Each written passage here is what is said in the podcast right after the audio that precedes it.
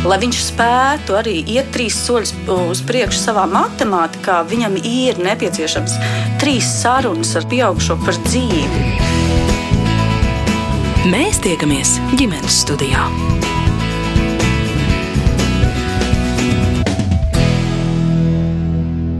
Labdien! Tuvojas sabiedrisko mēdīju labdarības maratons dod pieci, un šoreiz tā būs iespēja palīdzēt bērniem un jauniešiem ar uzvedības problēmām izrauties no nelabvēlīgas vides un veidot motivētu, drošu, garīgu un fiziski veselīgu nākotni.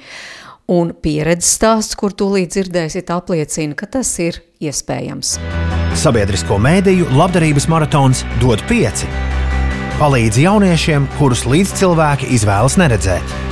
Mani sauc Mārcis Notiņš, un es dodos ciemos pie Krastiņu ģimenes. Līga un Jānis tagad dzīvo Raiskuma pagastā Cēsu pusē, Pirms gada viņi tur izveidoja atveseļošanās centru Sobervei, lai palīdzētu tiem, kuri vēlas atbrīvoties no atkarībām un sākt citu dzīves veidu, un tas ir pirmais privātais šāda veida centrs Latvijā.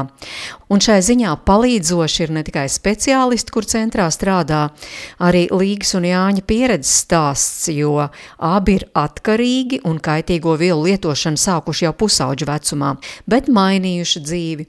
Jānis nelieto nekādas apreibinošas vielas Ielas 5 gadus un 7 mēnešus, Līga 3 gadus un 7 mēnešus, bet viņu pašu atveseļošanās ceļš turpinās, un viņi palīdz viens otram atklāt, izrunājot visu, kas ikdienā traucē justies labi, un meklējot pieņemamus veidus, kā ar to tikt galā.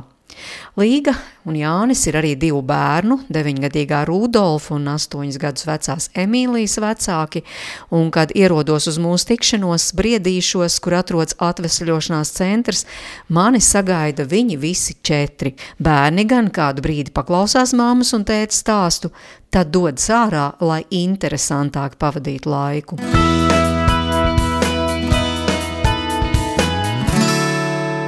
Mēs esam satikušies atvesaļošanās centrā, Saubervei. Bet eh, nu, mums šīs ir kā otrās mājas, ļoti cieši saistītas šīs abas divas vietas. Kur tās jūsu mājas, īstās mājas, kur tās atrodas? Īstās mājas atrodas 100 metru attālumā no šejienes. Un tur mēs pavadām vakarus, rītus un pa dienu aizējām paēst. Bet šeit mēs nākam strādājam ar cilvēkiem, ar cilvēkiem, kuri cieši no atkarības. Un, ņemot vērā, ka mēs paši esam atkarīgi, nu, tad mēs arī esam izveidojuši sev vidi, kur ir droši vidi atvesļoties kā mums, tā arī citiem cilvēkiem. Jā. Bet, kā jūs teicāt, jūs pats esat atkarīgs, bijis. Mm -hmm. Es esmu tagad atkarīgais arī. Šis nav īsti ārstējams un var sadzīvot līdzīgi kā citas kroniskas slimības, epilepsija, asma vai diabetes. Tam ir nepieciešams konkrēts dzīvesveids, kādu mēs dzīvojam, mierīgs un uh, nosvērts, bez nekādiem stresiem. Un tāpat laikā ir svarīgi atvesaļošanās process, kas notiek regulāri. Mēs savā ziņā izmantojam arī citus cilvēkus, kuri nāk pie mums, mēs rādām. Kā notiek atvesaļošanās process, jo mēs to vadām cauri sevi. Protams, tiek piesaistīti citi speciālisti arī, bet tas galvenais ir, ka tie esam mēs paši. Un kāpēc es saku, ka es vēl joprojām esmu atkarīgais? Tāpēc, kad es uh, nedrīkstu lietot pilnīgi neko, kas izmaina manu prāta stāvokli, apziņas stāvokli un garstāvokli. Kā es jūtos šodien, tā arī es jūtos šodien, un līdz ar to es nemainu nekādā ķīmiskā veidā savu garstāvokli. Tiklīdz es to sāku mainīt, vai, vai sāku mēģināt ar kaut kādām vielām vai citiem veidiem uzlabot vai izmainīt savu garstāvokli, Es nevaru apstāties, līdz ar to tas ir tas neizskaidrojamais, kas tajā atkarībā ir. Un tā ir mana un uh, līdz ar to arī līgas un mūsu ģimenes dzīve. Būt modriem visu laiku. Labā ziņa, laikam, tajā atvesļošanās procesā ir tāda. Kad mēs nedrīkstam palaisties, un es nevaru tā pagriezt muguru, apvainoties, un tad desmit dienas pazust kaut kur. Tas priekš maniem ir ļoti bīstami, un arī manai ģimenei. Līdz ar to Mums notiek ļoti aktīvas sarunas, kā mājās, tā arī ārpus mājas, un, un mēs regulāri, ja tā var teikt, iečakojamies, kā mēs jūtamies un kas ar mums notiek, lai mēs varētu virzīties veselīgā vietā uz priekšu. Jūs esat arī publiski stāstījis par savu atkarīgā pieredzi, un bijuši gan alkohols, gan narkotikas, un ilgstoši. Jā, liela viena gara epizode, 30 vairāk gadu garumā, bet eh, neapšaubāmi eh, tā dzīve ir izvērtusies ļoti interesanti. Man daudz cilvēku uzdod jautājumu, ko es nožēloju, vai ko es būtu darījis savādāk. Es tā negribu teikt. Man liekas, ka katram cilvēkam jāiziet savs ceļš, un uh, gala beigās Ja kaut kur es esmu kļūdījies, tas nozīmē, ka es esmu kļūdu rezultāts. Un, jā, var dzīvot uh, lielu daļu dzīves sev nožēlā, ko es darīšu, un mēģināt sagrābt to, ko jau es nevaru sagrābt, vairāk vai izlabot to, ko es nevaru izlabot. Bet es varu šodien mm, dzīvot ne tādu dzīvi, kādu es agrāk dzīvoju, līdz ar to virzīties uz priekšu un skatīties no šodienas aspektus vairāk uz priekšu, vai nu, konkrētāk tikai uz šodienu. Nu, ne tādā veidā, ka es nedomāju galīgi par rītdienu, un galu beigās tam te nesēdētu, jo es nedomāju absolūti par rītdienu, bet es daudz nefilozofēju gāju, es izdomāju, es kaut ko ieplānoju, un es ķeros pie lietas. Jā, man nesanāk, tad man atkal kaut kas paslīd, kaut kas, bet no, nu, tad es atkal ķeros.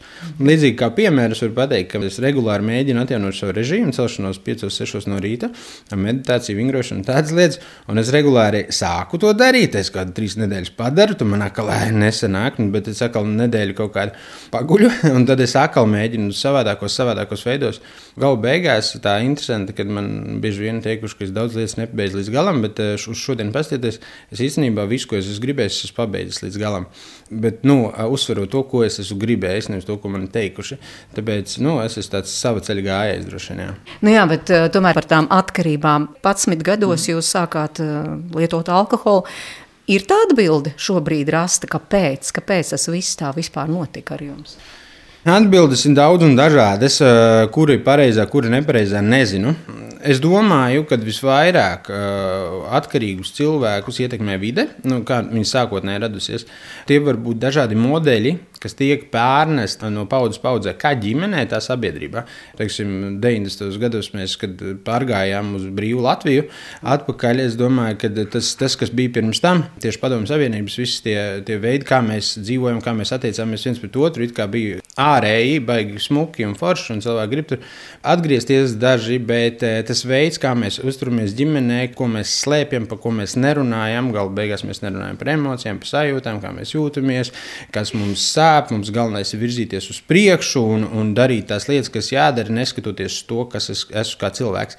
Un šodien, manuprāt, kad arī to es redzu sabiedrībā, un tā bija daļa, kā izveidojās mana atkarība, esot vidē kura ir ļoti tendēta uz rezultātu un vērtējumu un kaut kādu Es tā filozofiski biju iedomātu tēlu, kādam man ir jābūt, un man ielikt kaut kādos citu cilvēku rāmjos. Tas ir kaut kas tāds, kas man nebija kā bērnam absolūti. Es neteikšu pat skaidri saprātu, man tas sirdī un visā manā būtībā nebija saprotami ar ķermeni. Bišķiņ kā piemērs, es biju maziņš pavisam, un mamma teica, ej, tagad pildi mājas darbus. Un, un es sēdēju mājās un skatījos sienā, un es neko nedarīju. Un mamma nezina, ko darīt. Viņa saka, jāpild, jāpild, jāpild, bet pienāk 10, 11 vakarā jāiet gulēt. Nu, es aizēju gulēt, pieceļos no rīta, aizēju uz skolu un dabūju divnieku. Un man nav absolūti nekādas. Uh, emocijas par to. Man ir vienkārši divnieks. Un tad man skolā saka, ka, nu, ot, redz, kā būs, tagad tevi sodīs par to. Vai arī, nu, negluži sodīs ne tādiem vārdiem, bet nu, tā attieksme, visu aizjūt mājās, arī tas pats. Bet nekad nebija īsti tāda patiesa izrunāšanās nevienā ne otrā pusē, kas tad notiek, ko tu, tu gribētu. Un, un tā kā salikt to rāmi un to struktūru manā dzīvē varbūt palīdzēt izveidot mani kā cilvēku, kurš virzās uz priekšu, lai saprotu savas robežas. Un konkrētāk saprotu savas robežas, nevis tikai sekoju citu cilvēku robežām. Jo viņiem ir svarīgi, ka man ir šādi. Nu, līdzīgi jauniešiem, tev ir jābūt šādam, tev ir jābūt šādam. Vai mēs esam uzdevuši jautājumus, ko tu gribi? E, nevis tikai nu, kaut ko, kas tu gribi dzīvē kļūt vai kaut kas tāds. Bet kas tev trūks šodien? Kas tev varētu palīdzēt eh, šos mājas darbus izpildīt? Varbūt eh, kaut kādas lietas, kas viņam varbūt ikdienā trūkst, varbūt viņam trūkst komunikācija. Viņš sēž stundā, viņam jāpild uzdevums, bet viņš griežas. Un runājot ar citiem cilvēkiem, citiem bērniem, viņam trūkst komunikācija. Un šī komunikācija ir nevis vienkārši vēlme, bet tā ir vajadzība cilvēkam, lai viņš varētu izdzīvot, komunicēt. Tāpēc viņam varbūt tas ir svarīgāk Jo vecāki varbūt īpaši viņi tur izrunājās par tādām vai savādākām lietām. Līdz ar to viņam tā atzīme vai tas uzdevums nebūs absolūti iekšēji svarīgs. Viņš pat nesaprot tā jēgu dotajā mirklī. Viņš vienkārši dara tās lietas, kas jādara. Un es domāju, ka šīs lietas, atgriežoties pie manas pašas, šīs lietas, es izjūtu tā, ka viņas aizved un es meklēju to atvieglojumu no tā. Es gribu vienkārši mierīgi kaut kādu savu mirklīti manā dzīvē pavadīt.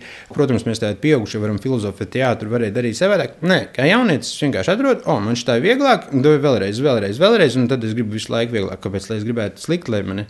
Un es rodu atvieglojumu šajās lietās, jo atkarīgais cilvēks. Viņš neizbauda dzeršanu, vai tas būtu alkohols, narkomāns vai kāds seksatkarīgais vai kaut kas tāds. Viņi neizbauda šos procesus. Viņš šajos procesos gūst atvieglojumu no reālās dzīves.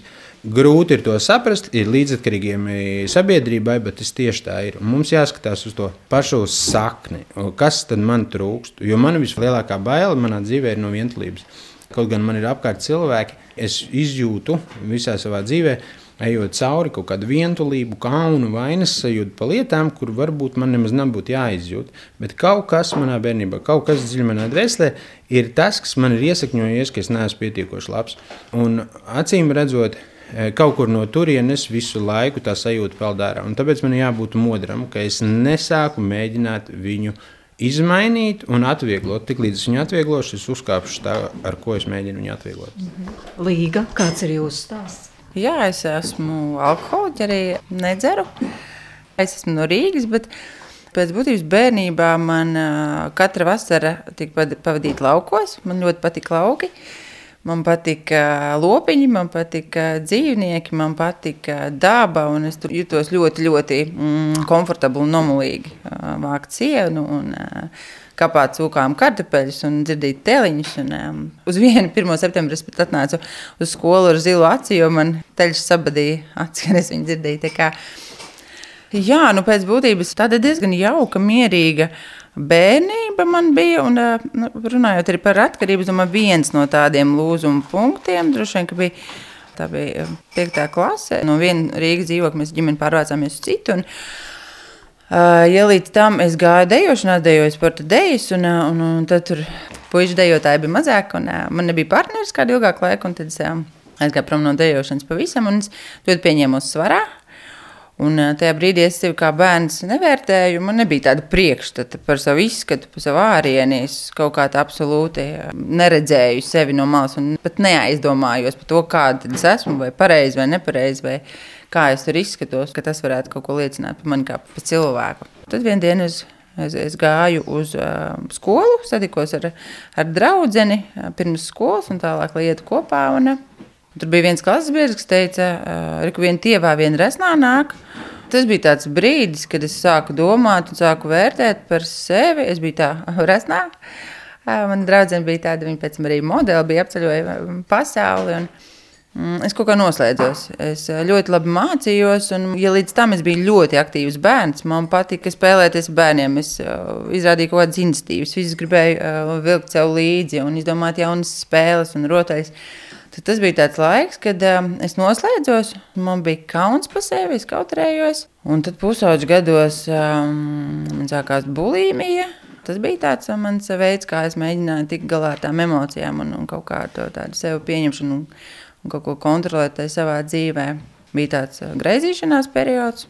Nu, tie bija tādi tie veidi, kā es redzēju to iespēju kaut kā aizbēgt no tām savām sajūtām kaut kā apstādināt to mirkli, kaut ko nokontrolēt. Un, protams, um, ārkārtīgi neveselīgi, bet citu veidu es tajā laikā nezināju, un tas sniedz kaut kādu atvieglojumu. Un tad ar laiku nu, parādījās kaut kur pie apgājuma arī alkohols, es pamēģināju, un es sapratu, ka man ir kaut kāda tā vilkme. Es tur sajūtos uh, brīvāk, es sajūtos labāk, man ir tāda atvieglojuma sajūta, ka beidzot es varu izelpot, Beidzot, es varu gan pateikt to, ko es gribu, gan justies daudz atklātāk pret citiem. Nu, līdz tā palānām, palānām tas pārtepa tādā diezgan ilgstošā, nevis ilgstošā, tad vēl tas nebija ilgstoši, bet tādā regulārā alkohola lietošanā, kura nu, pēc būtības ļoti bieži beidzās ar, ar tādu bezfilmu, kad es neatceros, kā īsti vakars ir beidzies. Pienāca jau rīts un um, kaut kā attapos un, un devos mājās. Cik jums gadu bija, kad jūs pamēģinājāt? Nu, tad pirmie mēģinājumi bija kad 14 gadi varētu būt. 13, 14 gadi tā bija tā vasara, jā, man ir vasarā dzimšanas diena, man palika 14 gadi. Un tad tas tā intensīvāk arī sākās. Bet es tiešām labi mācījos, gāju uz olimpiādēm. Šķietam, viss bija kārtībā. Bet tas bija tas mirklis, kad es pamēģināju kaut kur mēs ar draudzenēm. Vienreiz tur pie Omas šķūnītī viņa savam dēlam kāzām brūvēja vīnu. Es atceros, mēs māsītes gājām uz šķūnīti. Nu, tādi šķietam tādi, nu, pat nevainīgi, bet uh, sajūta tajā kaut kādu tādu. Mm -hmm palīdzību. Bet cik garš ir tas solis no tā brīža, nu, kad tā pamēģina, mm -hmm. saprot, ka, jā, ka tas sniedz kaut kādu atvieglojumu līdz tam brīdim, kad jūs sakāt, ka vairs nevar apstāties? Ļoti ilgi to neredzēju. Un... Un kaut kā, arī cik dīvaini nebūtu, man bija tāds priekšstats, ka tikai vīrieši ir alkoholiķi. Es biju pilnīgi pārliecināta, jo arī uh, mans tēvs ir alkoholiķis. Viņš uh, vairāk nekā 20 gadus um, nelieto alkoholu. Bet, Es satikos ar Jāni. Es zināju, ka viņš ir alkoholiķis, narkomāns, viņš ir ārstējies. Bet um, es neredzēju, ka arī es to pašu daru. Es kaut kā neredzēju, man liekas, ka um, es to daru normas robežās. Lai arī, uh, kā es dažreiz saku, arī mums mājās vienmēr arī ar Jāni ir bijusi. Um, pašpalīdzības grāmata, bet man liekas, visu laiku, ka tā ir mm, alkoholiķiem un narkomāniem. Man visu laiku likās, ka tā ir Jāņa, ka tā uz mani neatiecās. Es pat gāju, apmeklēju kaut kādas sapulces, un man likās, ka es to daru Jāņa dēļ. Bet es ļoti ilgi to neredzēju. Mm, Jānis bija trešais rehabilitācijas centrs. Es pat biju dusmīga, ka viņš grib iet un darīt kaut ko un ārstēties. Jo tad man likās, ka tad arī man vajadzēs kaut kā mainīt savu dzīvi, un, un es, to, es to negribu. Neredzēju nepieciešamību. Un tad, kad mēs jau um, izšķīrāmies ar Jāni. Bet vispirms, pirms izšķīrāties, kā jūs satikāties? Mums bija kopīgi draugi. Es biju jau, jau iepriekš dzirdējis par Jāni, Jānis bija dzirdējis par mani. Tad mēs nu, vienā vai otrā pasākumā, mm, iespējams, tas bija jaunais gads, iespējams, tā bija vienkārši tāda draugu kopā būšana, kur mēs satikāmies. Un, jā. Jāni, ko par to satikšanos varat papildināt? Tomēr satikāties un nu, ieskatījāties viens otrā. Jā, nu, te ir dažādi ne, tie, tie satikšanās brīži. Patiesībā, kā pāris mēs sākām veidoties, tas vairāk bija manā aktīvā lietošanas laikā, un līdz ar to Līga arī vēra lietoja. Un kaut kur ik pa laikam mēs jau bijām tikušies, bet, nu, lai saprastu lietojošu cilvēka dzīvi, viņa nav tāda pati, kā ir normāliem cilvēkiem. Viņi neiet tur uz randiņiem kaut kādiem, viņi neiet tur satikties un pastaigāties, varbūt pastaigāties iet, bet, nu, viss vairāk vai mazāk riņķo ap un par tām, tām vielām vai pudelēm vai vienalga, kas tur ir. Līdz ar to tajā laikā arī mana dzīve griezās ap to. Un, protams, jebkurš, jebkurš cilvēks nav būtiski, vai viņš ir atkarīgs vai nav. Viņš meklē kādu cilvēku, ar ko izrunāties, ar ko pavadīt laiku. Jebkurš grib attiecības un tādā veidā. Līdz ar to es jau biju vienreiz bijis precējies un šķīries, jau man jau puika bija.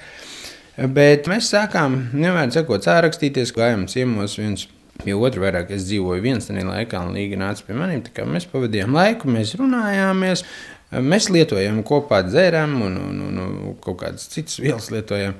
Nav būtiski kāda šobrīd, bet tas sākās ar to, un tad mēs sākām tā vairāk runāties. Un, un, un no manas puses skatās, mēs ļoti labi sapratāmies tādā citā līmenī, kaut kādā, neteiksim, Mums tur nu, kopējas intereses, ja tur pudele vai kas. Es nezinu, tur nebija tādas, ne? Mēs tur ne, gan ornitologi neesam. Bet, bet eh, mums, eh, mums bija kopējas tādas, man liekas, tādas dvēseliskas lietas. Un to var tikai laikam tā sajust. Un, nu, kad tu satiec īsto cilvēku, laikam nu, tur nav kaut kādas tur mm, netrīc kājas, netrīc rokas vai, vai galva nereibs. Man liekas, ka tu izjūti beigo mieru. Un, un, un tā ir ok. Nu, tad, nu, tā kā, un es ērti jūtos, un es varu būt pats vairāk vai mazāk. Un, laikam, Līga mums tā arī sāka veidoties kaut kā no, no tā paša sākuma.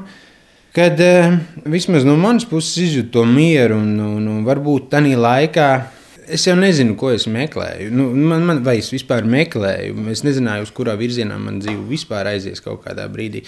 Bet e, tas bija tas, kad mēs sākām tikties, un mēs, vismaz es noķēru tādu kaut kādu, jā, tas ir mans cilvēks. Es gribu būt viņam blakus. Ko tas priekš maniem vismaz tajā laikā nozīmē? Nebija ne jausmas, bet tas ir tas sākums ar ko mēs sākām. Galu beigās tur arī vēlāk parādās, ka mēs sākam mēģināt kopā, lietojot, pat mēs sākam mēģinām palikt skaidrā kopā. Bija tur norāviena un viss kaut kas, bet pēc tam mēs palikām deviņus mēnešus skaidrā.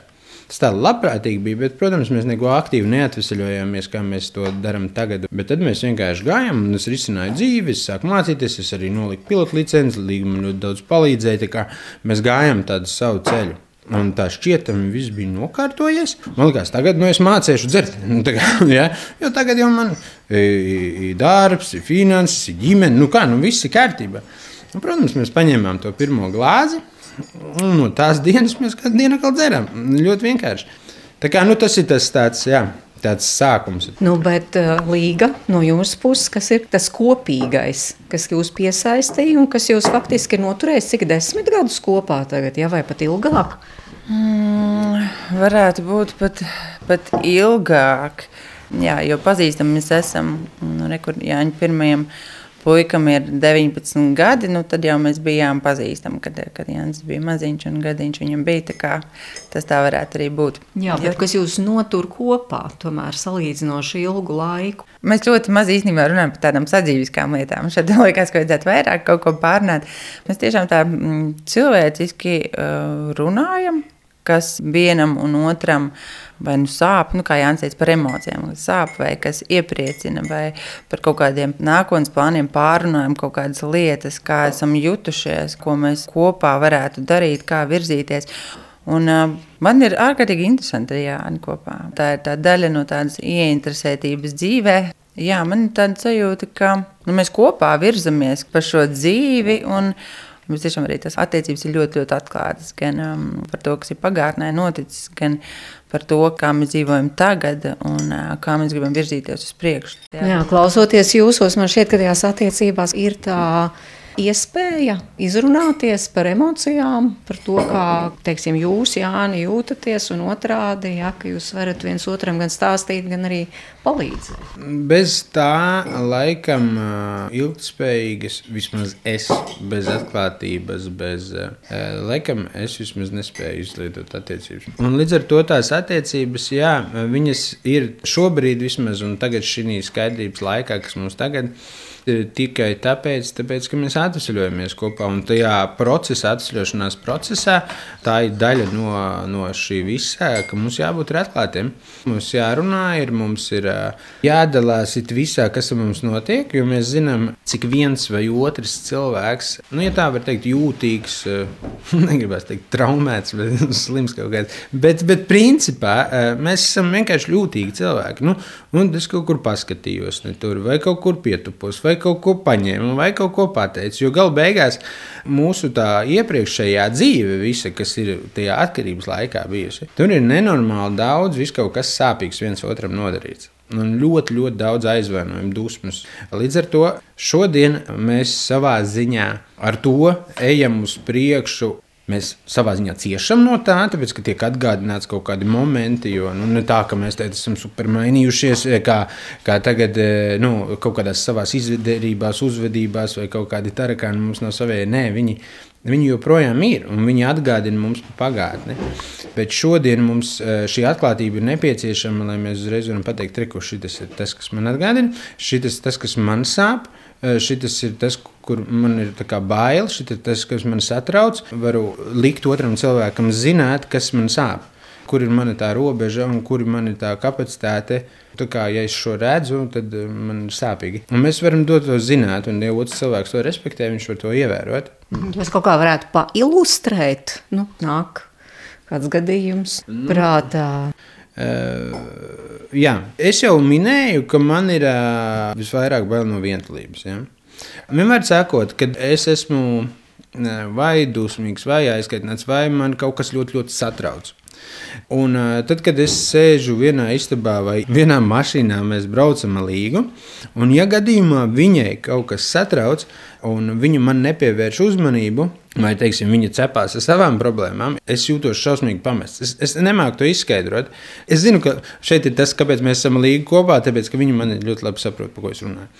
Un es jūtos pamests, man ir vajadzīga kaut kāda klātsamība, un es zinu, ka viņai ir vajadzīga klātsamība. Un mums šādas epizodes, ja mēs abi esam katrs par savu lietu dusmīgi, Tas ir jebkurā ģimenē. Abi divi, katrs var būt pa savu, un katrs grib sev tagad uzmanību. Šie ir brīži, kad viens var noslēgties. Piemēram, man ir tendence, kad es sāku izolēties. Viss, es, es aizēju, nu labi, tu negribi runāt, un man bail, varbūt manim dusmosies atkal, un ja manim dusmosies, atkal būs slikts, un man atkal vēl sliktāk, un man iedzina iekšā tādā bedrē, kad es varu sākt gribēt dzert. Jo man pirmais risinājums ir dzert. Nu, kā jebkuram normālam atkarīgam, man ir dzert narkotikas vai kaut kas tāds, vai kaut kādas muļķības darīt. Līdz ar to šie ir mirkļi, kuri nenormāli jāpārkāpj sev pāri. Vai nu vienam, vai otram ir jāpaiet pretī, principā bez pretīm gaidīšanas, vai tas ir uh, apskaut, vai sākt runāt par to, kas īsti notiekās, vai vismaz uh, iesākt sarunu, pateikt, ir šāda situācija, vai uztaisam pauzi, bet izrunājam šo līdz galam, vai izrunājam, izrunājam. Un tas, tas ir tāds ļoti, ļoti smalkas nianses, varbūt uh, kāds var klausīties un teikt, nu tā jau visiem ir, bet jā, bet es šo nevaru atļauties. Un tad ir kaut kādas lietas, kas šajās situācijās mm, kaut kur kāds ne tā ir paskatījies. Varbūt es esmu greizsirdīgs uz līgu, līga greizsirdīgs nu, viens pret otru. Kaut kādas lietas, un e, to jau negribās izteikt. Kāds, vismaz man ir tā, ka, ja es esmu greizsirdīgs, tad man ir, man ir kauns par to, ka esmu greizsirdīgs. Es īsti nevaru to izteikt, tāpēc, ka es kaut kāds muļķis būšu un mīkstais, ja, un loks. Un līdz ar to man ir jārunā par šo. Bet es zinu, ka ir tas mana pārliecība, ka uh, es nedrīkstu tāds būt īstenībā tā, bet man ir jārunā. Un tas man spiež runāt, tas, kad es zinu, ka, ja es nerunāšu, tas nebeigsies. Mums vajag izrunāt, un līdz ar to es eju. Un esmu ievainojams, kas ir pretrunā ar pašā sākumā, ko es teicu, ar šīm, kādam jābūt vīrietim, kādam jābūt ir jātur stiprs, un ievainojamība ir, ir vājums un šīs lietas. Es esmu par ievainojamību un līdz galam un līdz asarām. Ir ok. Būšu muļķis skaidrā, nevis muļķis piedzēries. Nav nekādas nozīmes. Tās ir tās lietas, kur mēs šausmīgi daudz runājam, un pat tik niansētām lietām, ko, manuprāt, beigās daudz ko var arī nesaprast. Jā.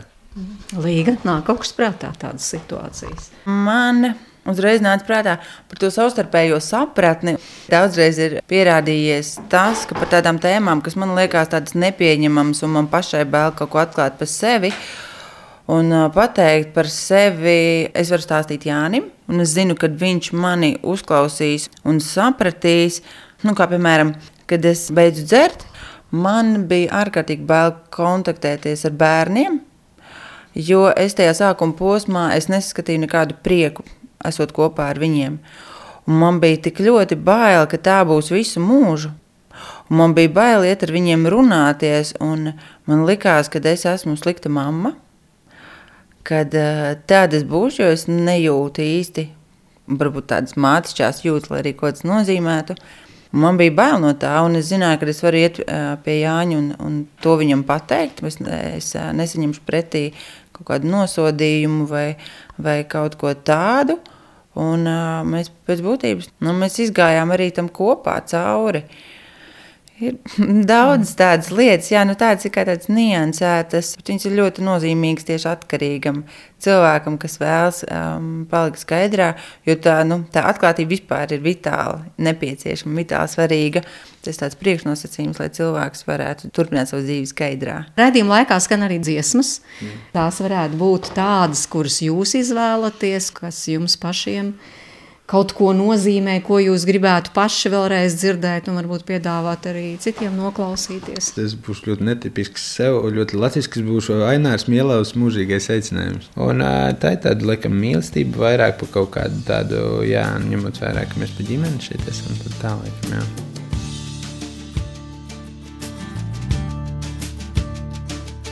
Ģimenes studija šodien sarunā ar Līgu un Jānis Krastiņiem un turpinājumā par viņu attiecību līkločiem, kur bijusi gan piepildīta kopā būšana, gan šķiršanās brīži, kad viņi dzīvojuši atsevišķi. Mēs tiekamies ģimenes studijā. Tad, kad mēs nu, principā šķīrāmies, es aizgāju dzīvot atsevišķi ar bērniem nepilnu pusgadu nodzīvoju pie vecākiem. Un, nu, mums bija šis te, jā, šķiršanās process. Es tajā laikā dzēru, un Jānis bija skaidrā. Nu, es um, prasīju Jānim palīdzību, un mēs sagājām atkal kopā, dzīvojām kopā. Arī es biju skaidrā. Tad kaut kādā mirklī nu, Jānis teica, ka viņš neredz manu kopīgu nākotni. Tas bija patiesībā sakot, priekš manis tāds. Um, mirklis, man liekas, kā es esmu skaidrā. Tagad varētu būt viss kārtībā, varētu būt viss labi. Un, Nu, es jutos salauzta. Man liekas, ka šī ir tā iespēja mums atkal būt kopā ar bērniem. Un tas viss uh, izjūg. Šķietam, kad es esmu skaidrā, ka visam būtu jānokārtojas, viss notiek tieši pretēji. Bet um, tas bija arī tāds mirklis, ārkārtīgi būtisks manā atvesļošanā, kad es sapratu, ka, lai vai kas, es palikšu skaidrā, es to dzīvi dzīvošu sev. Es gribu būt laimīga, un es zinu, ka pirmajā vietā ir mana skaidrība, jo tad arī gan es esmu laimīga, gan bērniem ir iespēja būt laimīgiem, tik cik es varu no, no savas puses viņiem dot. Un patiesībā sakot, arī pēc kaut kāda laika mēs tomēr atkal sagājām ar Jāni kopā. No tā brīža mēs, mēs esam nolēmuši, kaut arī mēs šobrīd esam um, oficiāli šķirti, valsts priekšā. Attiecības mums ir labākas nekā jebkad agrāk, laikam tā varētu teikt. Ja mēs runājam par mūsu attiecībām ar Līgu, mums bija vairāk šķiršanās. Tas viss ceļš ir līdzīgi kā tā atvesaļošanās. Ir tie mēģinājumi, tad ir norāvieni, tad ir mēģinājumi, mēģinājumi, mēģinājumi. Un galu beigās arī šīs attiecībās, šodien, ko es varu tā, godīgi sakot, patiecībām pateikt, eh, jebkurās attiecībās, tas ir lēmums par to, kāds es gribu būt cilvēks, vīrs, draugs, mīļākais, eh, vienalga dzīves biedrs. Tas ir jautājums par to, kāds es gribu būt un vai es pieņemu lēmumu tāds būt. Ja es gaidu kaut kādu mistiku, kaut kādu jūtu ķīmiju, es domāju, ka eh, Molotovs kokteils būs gatavs pēc pāris dienām. Tā kā tas ir lēmums, vai es esmu gatavs strādāt ar sevi šajās attiecībās. Un, ja es neesmu gatavs, nečakarē otru cilvēku, ne pa kreisi, nedomā, nemuldi kaut ko. Vienkārši pieņem lēmumu, saka, kaut kas notiekās, es nododu to, kas man ir vajadzīgs, kas nav vajadzīgs. Ja mani nedzird vai es nedzirdu, un ja nevar, tad pieņem lēmumu, nē, nečakarējam viens otru. Un, uh, būsim tik ilgi kopā, kamēr mēs abi būsim gatavi strādāt.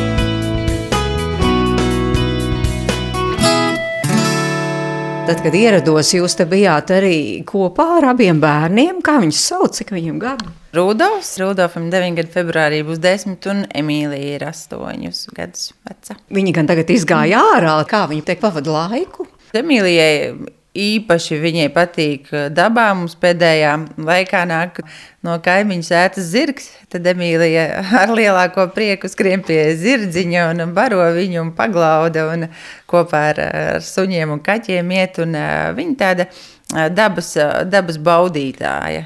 Man liekas, ka es biju savā ziņā līdzīga arī bērnībā. Man arī ļoti patika daba, man ļoti patika dzīvnieki. Viņai nekad nav garlaicīgi. Man liekas, ka ar sevi Emīlijai. Un, nu, te mēs dzīvojam jā, tiešām pie meža, pie dabas. Viņa vienmēr atrod. Tad viņa akmentiņus atrod, un tad viņa apglezno viņus, un tad viņa kaut kādus vēl mākslas darbus no, no, no puķītēm, no zālītēm, no kociņiem izveidos. Viņai tā fantāzija strādā. Rudolfs savukārt ir tāds vairāk um, jāaicina um, pabūt ārā droši vien, un neskatoties to, ka mēs um, dzīvojam meža malā, Viņam tā interese nav tik daudz par uh, dabu. Dzīvnieciņi viņam patīk, bet tā viņi savā starpā arī kā jau brāza, māsa, kā jau uh, suns ar kaķi. gan mīļojās, gan pastrīdās. Bet uh, es biju nedaudz satraukusies patiesībā, sakot, ka mēs mm, pārcēlāmies no Rīgas uz, uz šejienu, jo tiešām nav draugu viņiem apkārt. Nu, nav tā, ka tā kā Rīgā bija, ka viņi var iziet pagāmā, pieklauvēt pie draugu durvīm un, un paspēlēties. Bet neskatoties to, nu, tik un tā pie mums brauc ciemos, gan klases biedri, gan eh, Rudolf, gan Emīlijas, gan uh, mēs taču vedām viņus arī citur. Protams, ir skolas dienas, tad jau ar, ar visiem var satiekās. Un, -hmm. un kur ir skola? Skola atrodas Cēsīs. Pēc būtības arī tas, tas brauciens ir 15 minūtes, jo es jau tā, ir, tā vienmēr domāju, ja mēs dzīvotu Rīgā un man būtu jāved bērnu uz skolu, tas būtu droši vien krietni ilgāk, jo Rudolfs um, pirmajā klasē mācījās Lūburgas vidusskolā un tur Tur, kur mēs dzīvojām no drēliņiem, nu, tas ceļš bija ilgāks, kas bija jāpavada uz skolu un no skolas. Kā viss tepat vien ir. Ir arī kādas ārpusklases aktivitātes bērniem. Šobrīd nav. Mēs vēl te domājam, ko īsti izvēlēties. Rudolf Remīlija gribēja uz basēnu iet peldēt. Tad viņi iepriekš nedaudz trenējās vieglietikā. Viņiem ļoti patīk um, klavieres spēlēt. Viņi arī mācās skolā ar mūzikas novirzienu, abi divi klavieru klasē.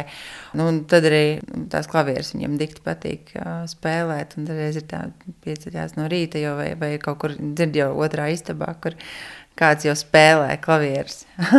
Mani mazliet pārsteidz, jā, ka jūs tik atklāti stāstījāt par savu dzīvi. Bērni bija tepat līdzās, tajā brīdī klausījās. Viņi to visu zinājā.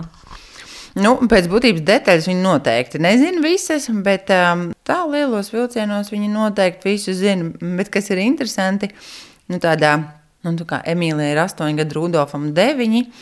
Nu, savā ziņā, tajā laikā, kad es biju aktīvajā atkarībā un Jānis, bija salīdzinoši mazi.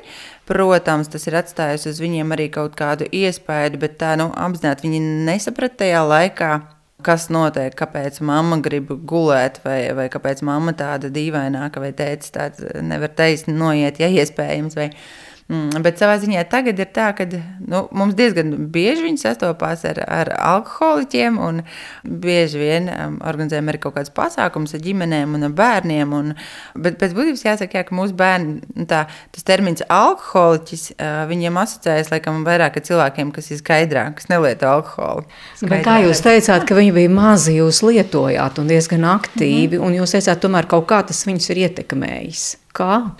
Nu, līdz galam es tā nespēju droši vien, kad, nekad to uzzināt un pateikt. Bet, Viens no tādiem lielākajiem faktoriem, nu, redzamākām lietām, ir sevišķi, te, kad es sākotnējā manā skaidrībā šobrīd tas nu, krietni ir mazinājies. Mm, Rudolfam vecākiem dēlam bija bail no manis tajos mirkļos, kad es biju dusmīga. Viņš redzēja, kad es dusmojos. Un viņš pat Emīlijai teica, nu, burtiski kā vilka aiz rokas, mamma dusmīgi, nē, nē, nāc, Emīlija, nāc, nāc, ejam prom, ejam prom. Un īstenībā, jā, ar to es arī tā ļoti daudz sevi arī nolēmu būt atklāta par to, jo, protams, kad es um, apzinos, es biju tāds agresīvais alkoholiķis, tad, kad es uh, lietoju alkoholu, es um, kļuvu diezgan agresīva, un um, man bija ārkārtīgi sarežģīti atzīt sev, to, kāda es pārvēršos, kāda es kļūstu, tad, kad es dzeru, kādas ietekmē arī tos mirkļus, kad es esmu skaidrā tomēr. Un to, kā es esmu izturējies pret saviem bērniem, tas ir ārkārtīgi grūti atzīt. Ir kauns un ir vilšanās un ir savā ziņā ir tāds nosodījums pret sevi, kur nu kādam citam to pastāstīt. Bet uh, es vienmēr esmu domājis, ka uh, par to ir jārunā, jo, ja es par to nesaku, tad es nevaru neko mainīt. Ja es neesmu patiesa par to, tad um, es sev liedzu iespēju būt savādākai. Un uh, vispār man liekas, ka sieviete ārkārtīgi sarežģīti ir um, atklāt, ka viņa ir alkoholiķa vai kad ir kaut kādas problēmas ar alkohola lietošanu. Ceļš tajā posmā, kad, uh, kad bērni ir diezgan mazi. Un arī manā pieredzē, un arī statistika rāda īstenībā, ka, diemžēl, sievietes vēlas mainīt kaut ko savā dzīvē, tad, kad viņām vai nu tos bērnus ņem nost, vai nu ir policija iesaukta, vai kaut kādi pārkāpumi. Uh, Un, uh, tas ir diezgan skumīgi, jo tiešām arī sievietes ir alkoholiķis. Alkohols nevienu nešķiro. Manuprāt, arī savā pieredzē vienmēr esmu pārliecinājusies, jo es vairāk un atklātāk par savu dzīvi esmu izstāstījusi, jo arī citiem ir vieglāk būt atklātākiem par sevi. Jo dažkārt ir tā, kaut kas tik šausmīgi, šausmīgi nospiež, bet, bet bail kādam to pastāstīt.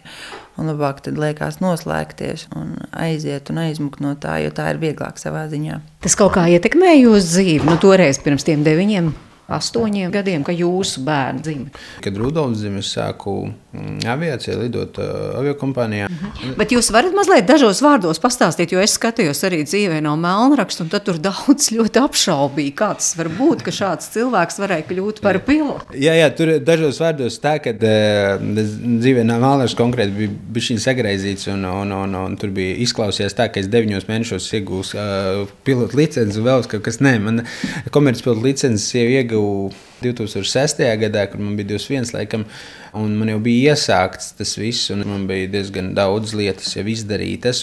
Tiklīdz man bija skaidrības periods, es pabeidzu. Tas process man vilkās īstenībā 7 līdz 9 gadus, kad es vispār liku nenoliku, un, un, un, un kritu un cēlos, kritu un cēlos ļoti ilgi. Tā kā Rudolf pieteicās, īstenībā tas bija Amerikā.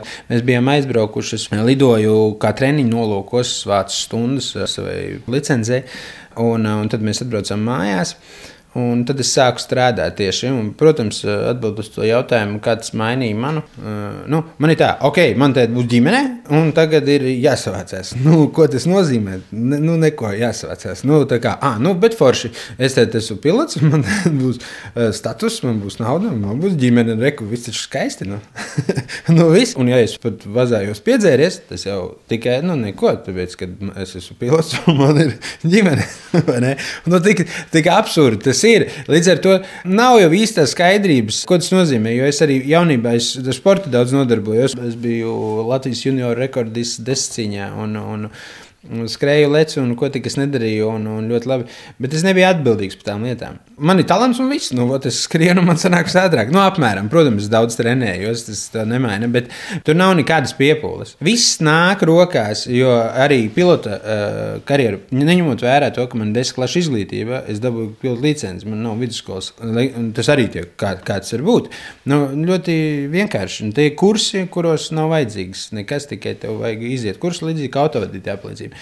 Tas man vienmēr rādīja, es varu, ja es gribu, ja man interesē, es varu tās lietas izdarīt. Es esmu tāds laikam vispusīgs, man ļoti daudz kas interesē. Līdz ar to es baigi nepieķeros vienai vai otrai, man tā ir ģimene un tikai ap to, un tad viss pamet novērtē. Es ļoti tā paralēli uz priekšu visās lietās. Bet nu, tas nozīmē, ka tā bērna dzimšana nebija tā tāds, nu, tāds grūdienis. Nu, tā tagad ir jāmaina, viss jāpārtrauc, jāsāk uh, dzīvot citādi. Primitīvi sakot, nē, nebija. Nē.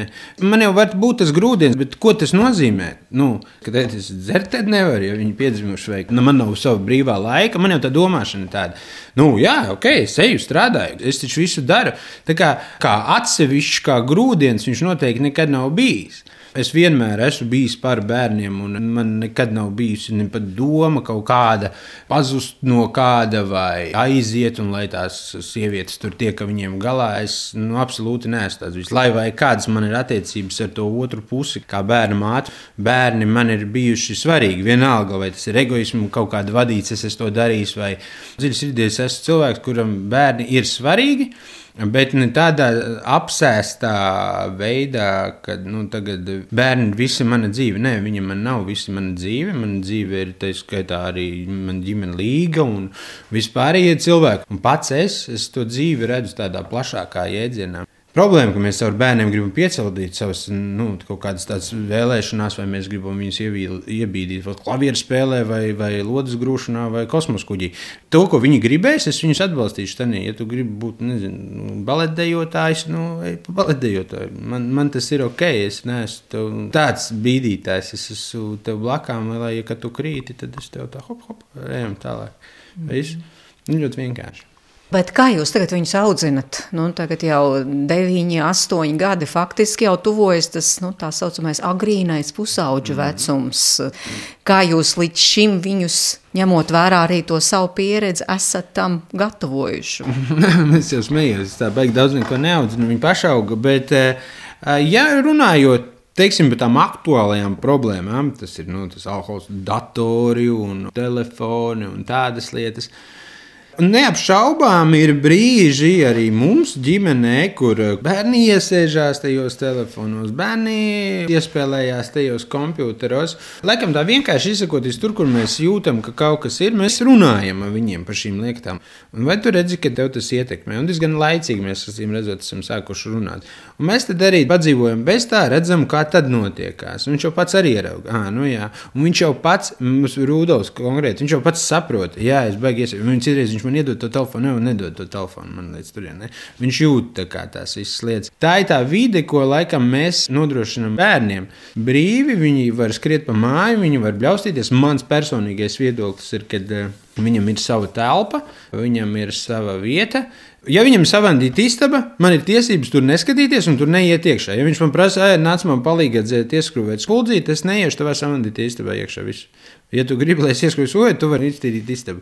Nu, teorētiski tas nevienmēr tā strādā, bet, bet tā ideja, tāda man doma ir tāda, ka viņš drīkst e, saskarties tam sekām un dzīvot savu dzīvi, lai viņam ir arī tās savas lietas un caur to arī mācīties. Rudolfs mums ir tāds vairāk. Kā, Vairāk biznesmenis būs. Mums tā liekas, bet, bet Emīlija mākslinieca. Jā.